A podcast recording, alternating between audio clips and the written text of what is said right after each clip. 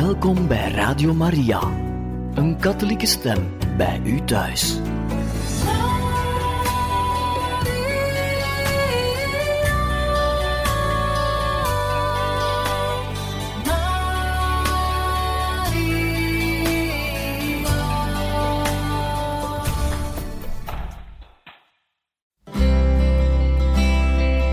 Welkom bij Boekat, een programma van Radio Maria.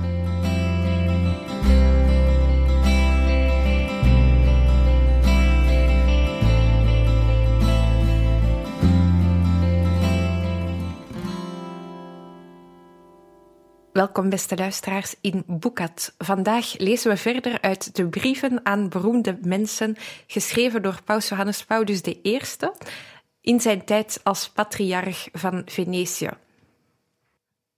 Albino Luciani, zijn naam voor hij paus verkozen werd, had toen de ongewone opdracht aangenomen om iedere maand een brief te schrijven aan een beroemde persoonlijkheid. Vandaag beginnen we met de brief aan Lemuel, koning van Massa. Lemuel, koning van Massa, wordt vermeld in de Bijbel, Boek der Spreuken, hoofdstuk 31, als auteur van het beroemde gedicht over de ideale vrouw. Verder weet men over hem niets met zekerheid. Volgens enkele exegeten zou Salomon zelf de schrijver geweest zijn, maar die bewering mist goede gronden. De ideale vrouw. Waarde Lemuel. De Bijbel vermeldt u als auteur van het beroemde gedicht waarin de ideale vrouw geprezen wordt. Dat is alles wat wij over u weten. Ik kan u wel de tegenhanger noemen van Cornelia, de moeder van Kraken. Die toonde haar kinderen aan haar vriendinnen en zei: Dat zijn mijn juwelen. U keert de rollen om. Haar zonen staan op en prijzen haar gelukkig. Haar man staat op en roemt haar. Uw prachtig alfabetisch gedicht komt in onze dagen uitstekend van pas, nu de emancipatie van de vrouw een teerpunt is. Zal ik een voorbeeld geven? Onlangs bracht een meisje uit het vijfde leerjaar mij in verlegenheid met de vraag: Is het rechtvaardig dat van de zeven sacramenten die Jezus ingesteld heeft, er slechts zes aan vrouwen toegekend worden? Zij doelde natuurlijk op de priesterwijding, waarvoor, naar aloude gewoonte, alleen mannen in aanmerking komen. Wat kon ik haar antwoorden? Ik keek eens om me heen en heb toen gezegd: In deze klas zitten jongens en meisjes.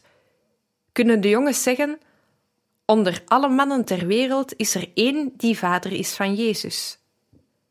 Antwoord van de jongens: Nee, want Sint Jozef was alleen maar voedstervader. Maar jullie meisjes, zo ging ik verder, jullie kunnen zeggen: één van ons vrouwen is moeder van Jezus. En hun antwoord was natuurlijk ja. En ik, juist. Maar overweeg nu eens. Al kan er dan geen vrouw paus worden of bisschop of priester, dat nadeel wordt duizendmaal gecompenseerd door het goddelijke moederschap, waardoor aan zowel de vrouw als het moederschap een ongekende eer ten deel valt. De kritische jonge dame leek me nu wel overtuigd. De lofprijzingen in uw gedicht worden door sommigen gespiegeld aan de bekrompenheid van Sint Paulus, die beval dat vrouwen moeten zwijgen tijdens vergaderingen. Ik denk dat Paulus dit spreekverbod slechts geformuleerd heeft voor de vrouwen van Korinthe en alleen voor die bepaalde tijd. In Korinthe was er toen een ware oase van charismatische verschijnselen. Tijdens bijeenkomsten stonden heel wat mannen en vrouwen op om het woord te nemen, geïnspireerd door de Heilige Geest. Waarschijnlijk begonnen sommige vrouwen te spreken zonder die bijzondere gave echt te bezitten, en veroorzaakten zij verwarring en pijnlijke situaties. Om te vermijden dat een dergelijk incident zich zou herhalen, besloot Paulus in die gemeente aan alle vrouwen het zwijgen op te leggen. Even daarvoor, in dezelfde brief aan de Corinthiërs, erkende Paulus het recht van de vrouwen om voorspellingen te doen, al dienden ze daarbij het hoofd te bedekken. Toen Paulus eens in Caesarea verbleef, bracht hij samen met de heilige Lucas verscheidene dagen door in het huis van Filippus, diaken en prediker, en maakte daar geen enkele moeilijkheid om het feit dat de vier dochters van zijn gastheer profeteerden. In Handelingen, hoofdstuk 21. Tijdens zijn laatste levensjaren gaf hij Titus de raad oudere vrouwen te onderrichten, zodat ze het goede zouden kennen en in staat zouden zijn het aan de jonge vrouwen te onderwijzen. Had overigens de profeet Joël niet reeds plechtig verkondigd dat in de Messiaanse tijd de zonen en de dochters van Israël zouden profeteren? En verklaarde de heilige Petrus niet tot de Pinksterdag dat die profetie zich aan het voltrekken was en dat de Heer zijn geest uitstortte over dienstknechten en dienstmaagden. Ook voor de komst van Christus was er door vrouwen geprofeteerd. De priesters waren wel altijd uitsluitend mannen geweest. Maar de mantel der, profetie had soms op de schouders van vrouwen gerust. Maria, de zuster van Mozes en Aaron, leidt als profetes de zang der vrouwen in Exodus tijdens een religieuze dienst, met een tamboerijn in de hand. Later riep zij het volk ten getuige dat God tot haar gesproken had. In Numeri. Ten tijde van de rechter Barak was het Deborah die, als een soort Jeanne d'Arc of eerder nog als een vrouwelijke Petrus de Kluizenaar, de heilige oorlog predikte en een zekere overwinning voorspelde. Zij verleende audiëntie op de Ephraimberg, onder de palmboom van Deborah. En de kinderen van Israël kwamen naar haar toe met al hun geschillen. In 621 voor Christus gaat de hoge priester Hilkia samen met andere vooraanstaande lieden op bevel van koning Josia de profetes Hulda raadplegen, die in de nieuwe wijk van Jeruzalem woonde. En precies als de profeten zei deze zo spreekt de Heer. Ook Anna, de 84-jarige weduwe die naderbij komt als Jezus in de tempel opgedragen wordt en die met allen over hem begint te spreken, wordt profetes genoemd. De ideale vrouw uit uw gedicht is een onvermoeibare bezige bij, een echte Martha. Zij omgort haar lendenen met kracht en maakt haar armen sterk. Zij merkt dat haar ondernemingen slagen.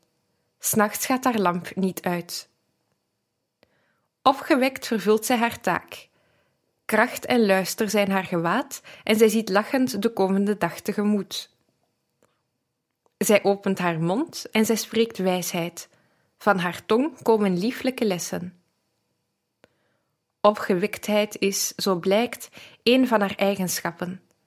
Ze gaat hand in hand met goedheid, tederheid, werklust en liefde. Haar man heeft behoefte aan vriendelijkheid wanneer hij moe van zijn werk thuiskomt. Ook voor een goede opvoeding van de kinderen is een opgewekte atmosfeer onontbeerlijk. Haar goede humeur bewaart zij tot elke prijs, ook op moeilijke ogenblikken, wanneer voortdurende materiële lasten en de kleine, monotone dingen van elke dag haar te veel dreigen te worden. Haar verdrietig maken en tranen bij haar oproepen. Dat is grote deugd, dat is christelijke sterkte. Dat is boetvaardigheid die, bij de juiste gesteltenis, niet onderdoet voor de verstervingen en lange gebeden van kloosterlingen. Zij is oplettend en vooruitziend. Zij slaat het oog op een akker en koopt die. Van de vrucht van haar land plant ze een wijngaard. Zij vervaardigt linnenkleren en verkoopt ze zij levert gordels aan de koopman.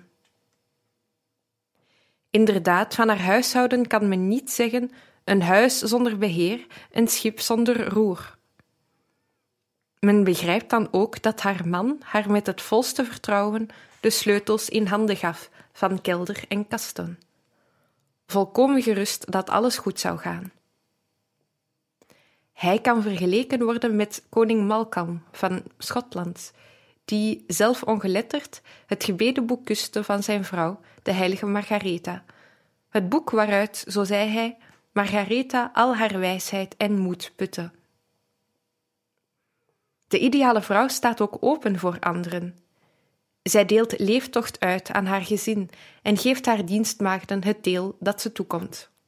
En zij opent haar hand voor de behoeftige en strekt haar armen uit naar de misdeelde. Zij vreest voor haar gezin geen sneeuw, want heel haar gezin is in scharlaken gekleed. Tegenwoordig doorluchte koning Lemuel worden rechtvaardigheid en naaste liefde op een andere manier beoefend. De vrouwen van onze tijd hebben dikwijls een baan in kantoor of fabriek, zijn werknemster of zelfstandige. Nu zij tot alle posities in politiek, bestuur en bedrijfsleven zijn doorgedrongen, geldt voor hen het domi mansit lanam fecit. Zij bleef bij het spinnenwiel en haard, niet langer als een compliment. In uw tijd verdedigde de vrouw haar kinderen en gezin op de drempel van haar huis. Vandaag doet zij dat ook ver van huis, in het stemhokje, in de vakvereniging en in organisaties. Zelfs kloosterzusters schijnen haar nieuwe burgerlijke vrijheden tot het uiterste te moeten benutten. En de vrouw in het openbare ambt moet zich, evengoed als de mannelijke collega's, van haar taak kwijten en daarbij ook nog haar typisch vrouwelijke eigenschappen, zoals nauwgezetheid, tact, goedheid en elegantie waarmaken.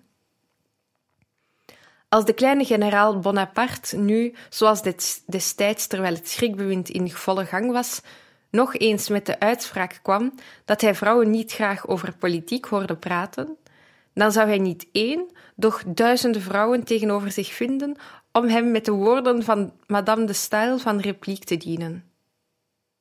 Generaal, de republiek hakt tegenwoordig ook hoofden van vrouwen af.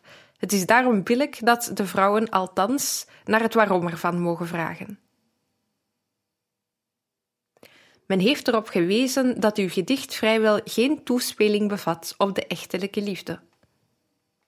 Sommige hedendaagse katholieke auteurs zouden, schrijvend over de ideale vrouw, dat aspect heel wat uitvoeriger behandelen.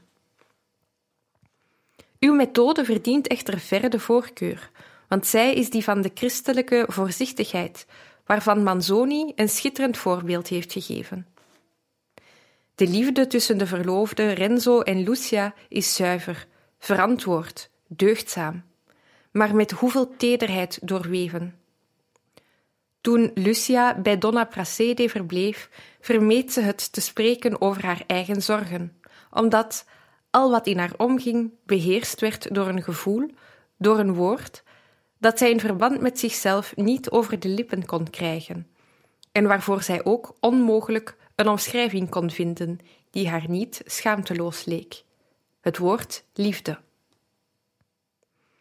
Diezelfde Lucia verstomde, bloosde en raakte in bange verlegenheid bij de vragen van zuster Gertrude.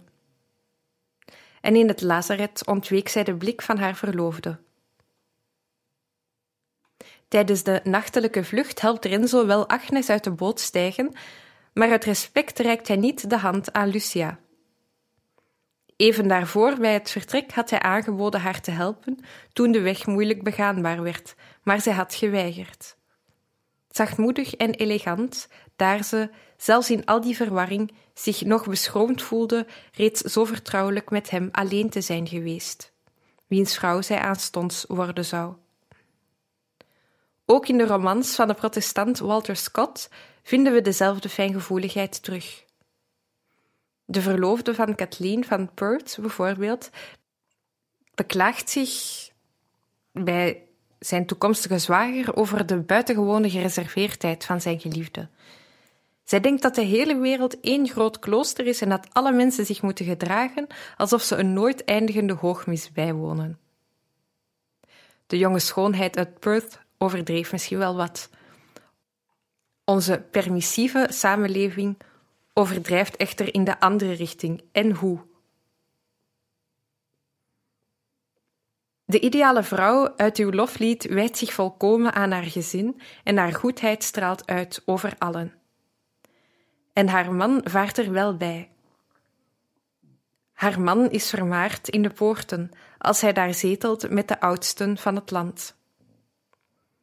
Hier denk ik aan Paus Sixtus V, die gezegd zou hebben: Toon mij een vrouw over wie haar man zich nooit en in niets beklaagd heeft, en ik verklaar haar onmiddellijk heilig. Zo'n vrouw wordt dan niet alleen zelf heilig binnen het gezin, maar samen met het gezin. Zij voert haar man en kinderen mee opwaarts. Toen ik vernam dat het zaligverklaringsproces van de ouders van de heilige Theresia van het kindje Jezus was ingeleid, heb ik gezegd: eindelijk eens een echtpaar. Lodewijk IX werd heilig verklaard zonder zijn Margaretha. De heilige Monica zonder haar Patricius. Zélie Guérin daarentegen kan nu samen met haar man Louis Martin en haar dochter Theresia tot de heiligen van de kerk gaan behoren. De ideale vrouw, zo zegt u, is gesteld op elegantie, bevalligheid en geriefelijkheid. Zij vervaardigt dekens. Zij is in bissus en purper gekleed. Maar u voegt er onmiddellijk aan toe: bevalligheid is bedrieglijk, schoonheid vluchtig, maar een vrouw die God vreest, moet geroemd worden. Ook schoonheid is een gave van God. De kunst zich met smaak en elegantie te kleden is vooral voor de vrouw een goede eigenschap. In veel gevallen is ook het gebruik van cosmetica niet af te keuren. Maar dat zijn voorbijgaande dingen. Zich met God bevriend te weten en met Hem verbonden door een goede levenswandel en oprechte vroomheid, dat geeft meer zekerheid en is duurzamer.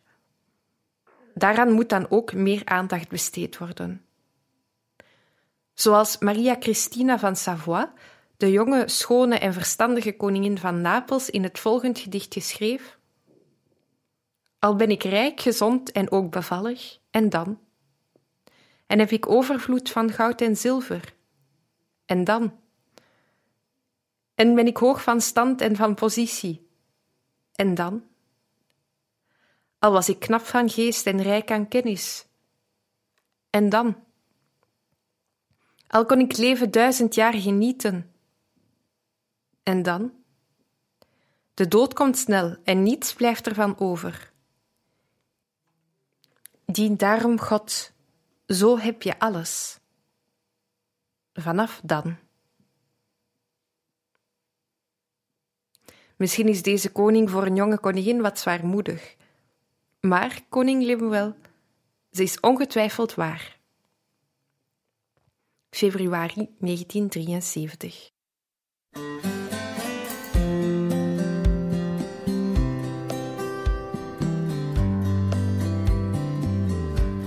A virtuous woman came into my life, the crown of her husband,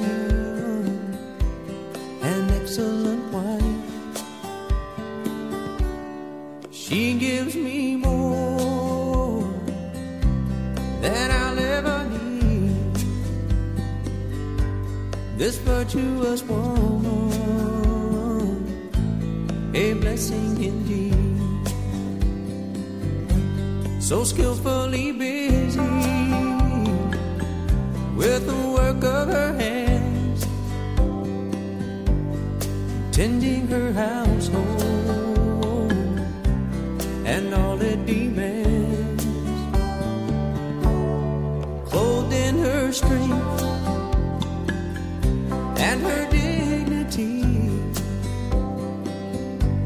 my virtuous woman, a wonder to me.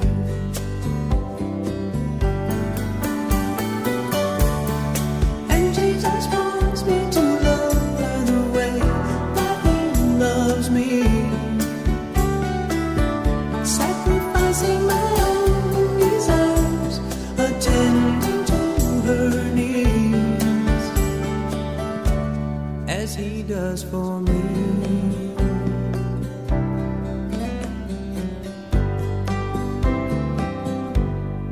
Beauty is empty and charm may deceit. but her steadfast love is a treasure to me. No words of contention no thorn in my side, just a virtuous woman,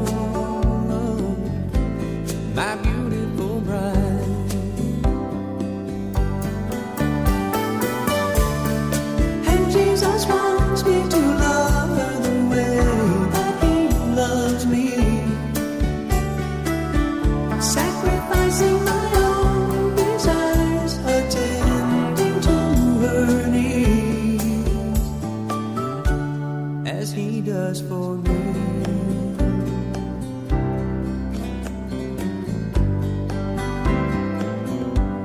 A virtuous woman came into my life, the crown of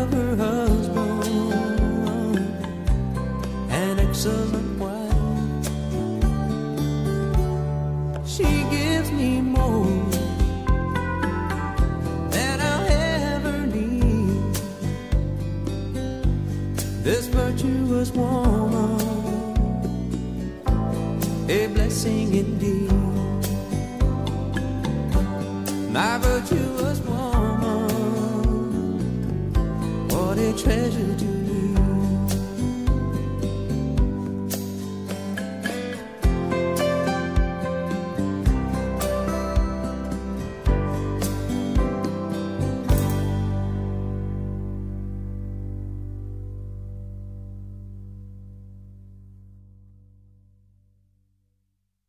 Walter Scott.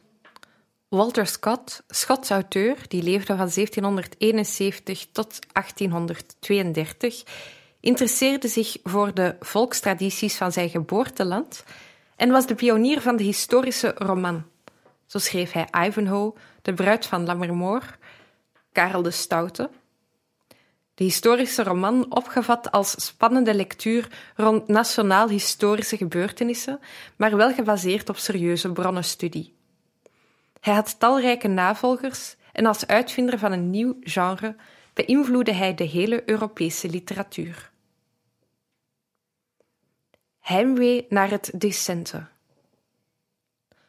Sir Walter, hoeveel romans hebt u wel niet geschreven? Ze kenden een enorm succes in de tijd dat u ze schreef. Vandaag worden ze niet veel meer gelezen, maar ik vond het meesterwerken toen ik nog een jongen was. Mij boeide uw eenvoudige en vlotte manier van schrijven, uw kunst om karakters uit te beelden en ze aan te brengen op het stramien van de historie. Hoeveel toernooien en belegeringen van steden en kastelen hebt u niet beschreven? Hoeveel ridders liet u te paard door vlakten en bossen trekken? Hoeveel edelvrouwen hebt u laten verdedigen, bevrijden en beschermen door edelmoedige strijders? Hoeveel dappere ambachtslui en mensen uit het volk deed u naast de edelieden tot leven komen? Hoeveel ongewone en wonderlijke figuren hebt u met de gewone en alledaagse vermengd? Dwergen en sterrenwichelaars, toverkollen, waarzegsters en kaartenlegsters. Hoeveel hekserij, geheimzinnige boodschappen en horoscopen. Hoeveel ingewikkelde intriges en wat een onverwachte wendingen. En alles in het nette. Boeken die steeds de moed en trouw verheerlijken en die men kinderen gerust in handen kan geven. Dit is, vergeleken met de huidige verontreiniging door een verdorven pers, wat ik wel het meest bewonder en wat mij doet roepen. Hulde aan deze schot, de vader van de historische en decente roman. Ik heb zomaar uw boek Karel de Stoute nog eens doorgebladerd en zie hier bij welke passage ik ben uitgekomen. Een van de hoofdfiguren, de dappere en jonge Arthur, rijdt te paard naar het Provençaalse hof in gezelschap van Tywald, een troubadour-stelg, die verzot is op ballades. Op meesterlijke en welluidende toon zingt hij er, e- een voor zijn reisgezel. De inhoud ervan komt hierop neer. De troubadour Guillaume Cabestin houdt van Margaretha, de vrouw van baron Raymond de Roussillon. Deze ontdekt de verhouding, vermoordt Cabestin en rukt hem het hart uit en laat dat bereiden zoals dat van een dier. Daarna zet hij het zijn vrouw voor bij de maaltijd. Wanneer zij dat afschuwelijke gerecht opgegeten heeft, vertelt hij haar wat het in werkelijkheid was. Op een berustend, droeve toon antwoordt ze hem. Dat voedsel is mij zo voortreffelijk geweest dat geen andere spijzen ooit meer over mijn lippen zullen komen. Zij volhardde in haar beslissing en stierf vrijwillig de hongerdood. Rond deze kern van het verhaal weefde de balladedichter een commentaar vol medeleven, waarin hij hartstochtelijk het lot van de beide geliefden beklaagde en alleen de vrede echtgenoot de verschrikkelijkste verwendingen toeslingerde, om dan met wraakgierig leedvermaak aldus te besluiten alle minnaars en alle dappere ridders uit Zuid-Frankrijk samen bestormden het kasteel van de baron, namen het in en maakten het met de grond gelijk en deden de tiran een schandelijke dood sterven. Na het aanhoren van die ballade zegt u Arthur streng: Tiwald, dergelijke sentimentele onzin wil ik niet meer horen. Niets is meer geschikt om het hart van een christen te bederven dan dat de sympathie en bewondering die enkel de deugd toekomen, worden opgewekt voor de zonde. De baron is een vreedaardig monster, maar daarom was de schuld van de ongelukkige geliefden niet geringer. Als men aan slechte daden mooie namen gaat geven, leren de mensen, die voor het onverhulde kwaad zouden terugschikken, het gemakkelijk in de praktijk te brengen, daar het hun immers onder het masker van de deugd wordt gepresenteerd. Maar de ballade is een meesterwerk van levendigheid, dringt Tiwald aan. En als u zo jong nog reeds zo ernstig bent, wat moet dat dan worden als u oud bent? Als iemand in zijn jeugd naar dergelijke dwaasheden luistert, antwoordt Arthur, zal hij op gevorderde leeftijd niet licht een respectabel mens worden. Wat u Arthur hier liet zeggen, hadden woorden kunnen zijn van een vrome pater. Maar u had er waarschijnlijk meer succes mee. Ten eerste omdat paters spreken en predikanten gewoonlijk, ten onrechte misschien, de schijn wekken van ingenomenheid tegen de toehoorder. U daarentegen, die met uw romans de, de lezers plezier en ontspanning verschaft, u lijkt voor hen te zijn, aan hun kant te staan. Ten tweede omdat u zo slim was de morele les in de mond te leggen van de held, naar wie heel de sympathie en de onvoorwaardelijke bewondering van de lezer uitgaat. Het is de oude tactiek van Horatius, het nuttige met het aangename verenigen. Helaas ziet het er naar uit dat die tactiek van Horatius en u, en u tegenwoordig niet zoveel succes meer heeft. In de stripverhalen die onze jeugd, jeugd leest en in de weekendkranten en weekbladen komt men zelden nog zo'n held tegen die, waar nodig, wel eens stompen, slagen en klappen uitdeelt, maar die, naar het voorbeeld van uw helden, rent en vliegt om zwakken en onschuldigen te hulp te schieten. Thans is het meestal de held van de misdaad die men de beste beurt ziet maken en die uiteindelijk de overwinning krijgt toebedeeld. Zachtaardige, blijmoedige jonkvrouwen, vol gevoel, maar kuis en ingetogen, aan wier voeten de ridders met kloppend hart alles neerleggen wat zij hebben en zijn, daar zal men in de huidige pers lang naar moeten zoeken. Uw heldinnen zijn fijngevoelig en blozen dikwijls. De hoofdrolspeelsters in de verhalen van nu blozen nooit. Ze roken, drinken en laten een honend gelach horen. Ze worden voorgesteld als een biologisch verschijnsel, als een stuk speelgoed. Hun geschiedenis eindigt zelden in een huwelijk en doorgaans zijn ze niet alleen bedorven, maar nog cynisch en bloeddorstig erbij. In een politieroman slaat een jongen de vader van zijn meisje tegen de grond, waar hij met bebloed gezicht blijft liggen. en het meisje haar vriend nog aanvuren. Geef hem er van langs nog een keer. In een stripverhaal doet een ander meisje de uitspraak: Stelen moet je, maar bij de armen, want bij de rijken is er geen aardigheid aan. U zult me vragen, maar waarom schrijven ze die dingen? Dat vraag ik me ook af, maar ik weet het niet. Misschien willen ze met die lapidaire immorele uitvallen protesteren tegen een maatschappij die ze leugenachtig vinden, en die dat ten dele ook is, in haar moralistische houding. Het ongeluk is dat de jongelui in kwestie de ironie en de overdrijving niet begrijpen, en dat zij zo ongemerkt het kwaad inzuigen en zichzelf moreel vergiftigen. Misschien zoeken ze in die lectuur een opwindende uitvlucht uit hun monotoon, kleurloos bestaan. Dat is echter een schijnredmiddel, een soort verslaving die steeds sterke prikkels en genietingen vraagt en steeds gemakkelijker manieren om aan geld te komen, en waardoor zij aan studie en werk de brui geven. Misschien ook zijn het de uitgevers die hun zakken willen vullen door te speculeren op de zwakheid van de jongeren en op onze lagere instincten. Ik ben bang dat hier helaas de voornaamste oorzaak ligt. Maar dan is het toch wel idioot hoe men zich door zo laaghart laaghartige lieden gebruiken laat.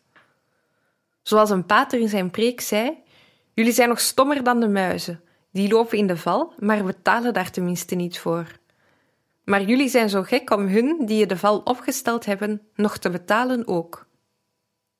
Sir Walter, in Waverley, uw eerste roman, vinden we de volgende beschrijving.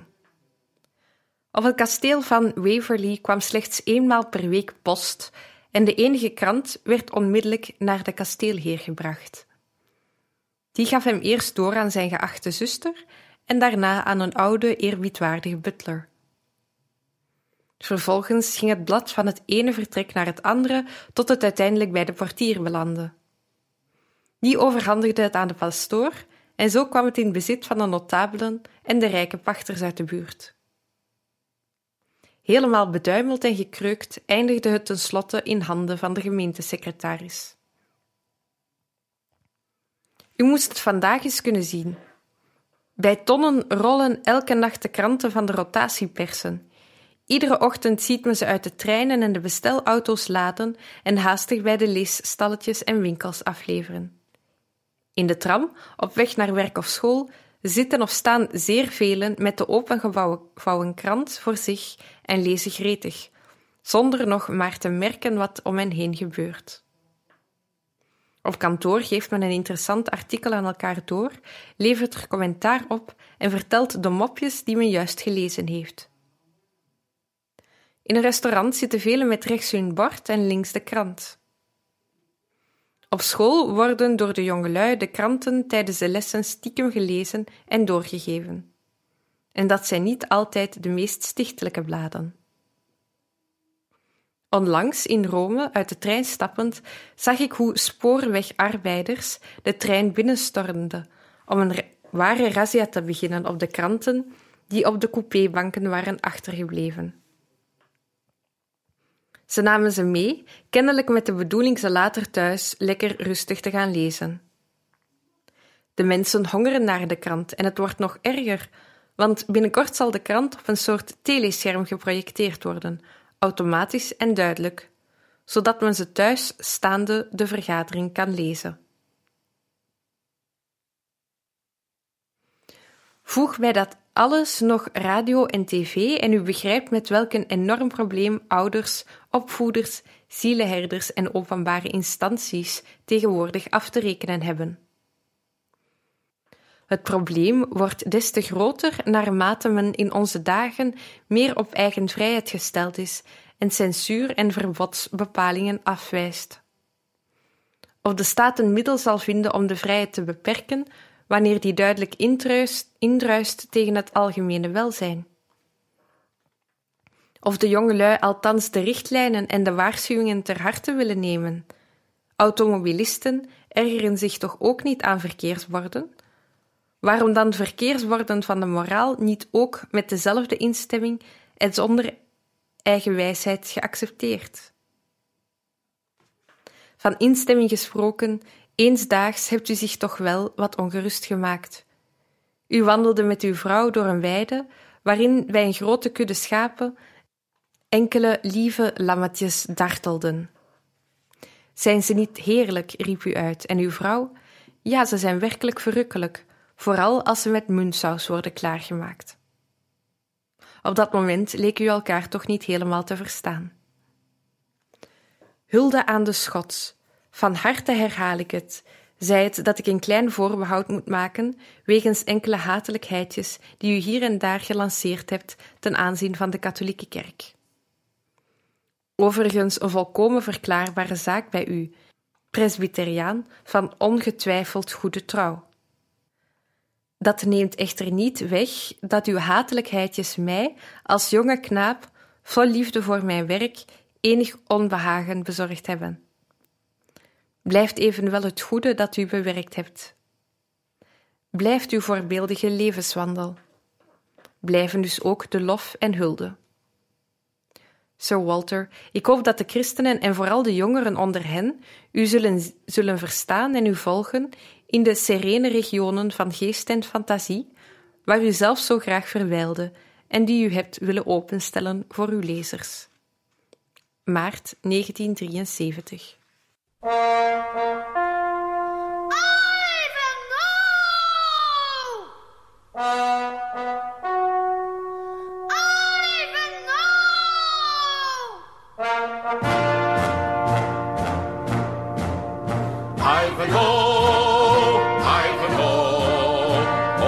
Gaan wij te paard met Ivanhoe. Waar hij gaat of staat, we zijn steeds aan zijn zij. We zijn paraat en zingen vrij en blij. Ivanhoe, Ivanhoe. Overal door bos en dal met Ivanhoe. Gerechtigheid in het land. Er is voor hem geen keuze, zijn zwaard is in zijn hand. Kom, we gaan, handen samen.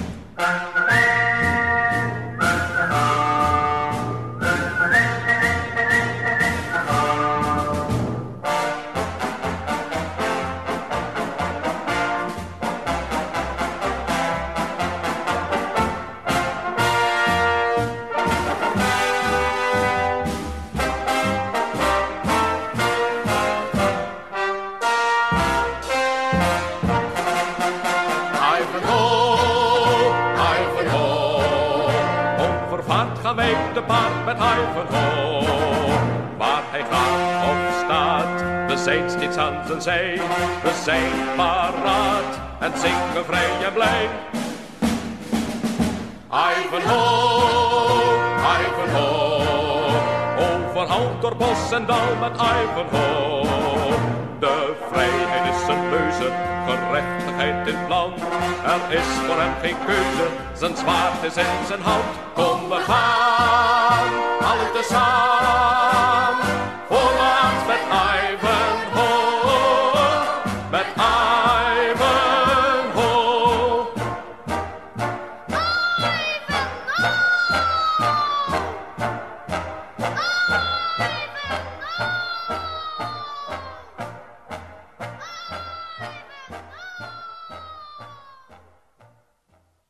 Tot zover, beste luisteraars, de brieven aan beroemde mensen voor vandaag. Geschreven door Albino Luciani, de latere paus Johannes Paulus I.